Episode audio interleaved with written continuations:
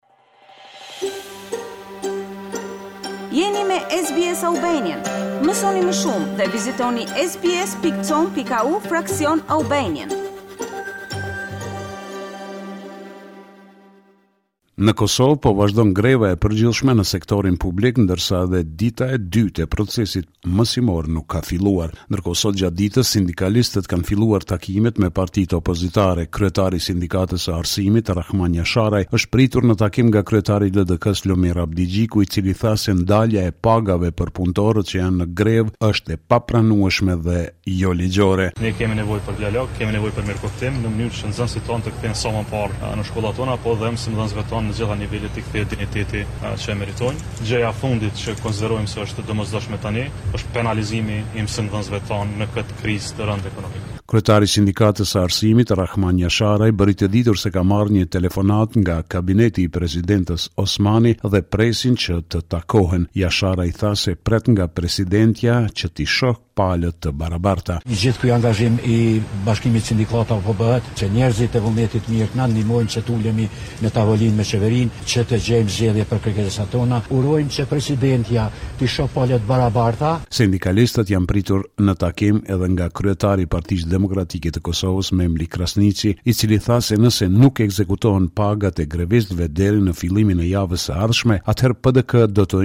inicojë seancë të jashtëzakonshme në Kuvend për siç tha, kthimin e ligjshmërisë në vend. Ne do të iniciojmë kthimin e deputetëve në Kuvendin e Kosovës, do të iniciojmë mbajtjen e një seance të jashtëzakonshme për të marrë veprime të tjera të cilat do të mundësojnë kthimin e ligjshmërisë në këtë vend. Edhe kryetari i AAK-së, Ramush Haradinaj, ka adresuar kritika në drejtim të qeverisë lidhur me situatën e krijuar si pasojë e grevës. Sipas tij, dalja nga kjo gjendje është rritja e pagave.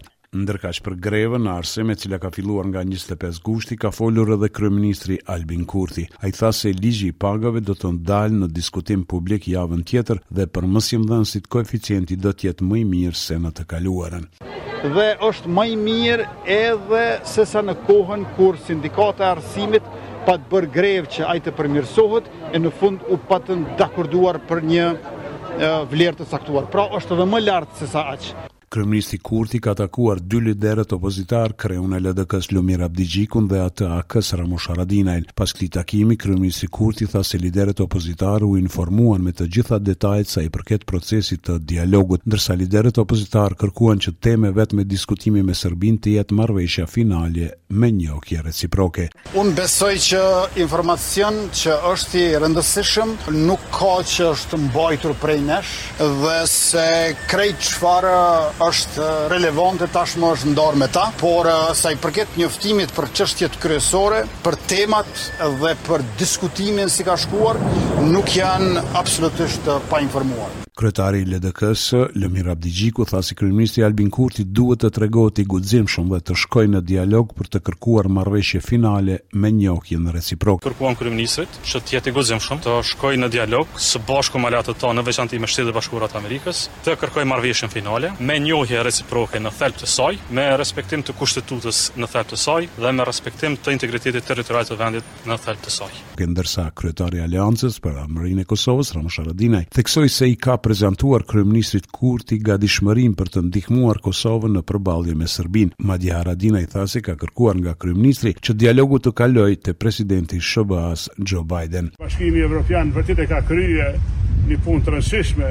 Në dialog, pra mbi një dekadë, unë mendoj që tash është koha që edhe Kurti me kërku zyrtarisht që portfolin e dialogut me e kalu te Presidenti i Amerikës, te zoti Biden. Ditë më parë ndodhi një ngjarje që tronditi qytetarët e Kosovës, një vajzë njëmbëdhjetë vjeçare është dhunuar nga pesë të rinj prej tyre tre adoleshentë. Si pasojë, në Prishtinë pati protesta si dhe dorëheqje të zyrtarëve të lartë të policisë dhe shërbimit korrektues. Sot kryeministri i Kosovës, Albin Kurti ka reaguar sërish për rastin e dhunimit të njëmbëdhjetë vjeçares në Prishtinë ditë më parë. Ai ka kritikuar Këshillin Gjyqësor dhe Prokurorial të Kosovës që nuk ka reaguar ende për këtë rast. Përmes një shkrimi në Facebook, kryeministri ka thënë se janë ndërmarrë veprime konkrete për këtë rast duke u shkarkuar dy zyrtarë të lartë ndërsa Dy të tjerë janë dorëhequr. Sipas Kurtit, përgjegjësia nis nga prokurorët të cilët po mundësojnë që dhunuesit shpesh të mos ndëshkohen, ka shkruar Kurti në Facebook. Marrëveshja e arritur me Serbinë për kartat e identitetit ka nis të zbatohet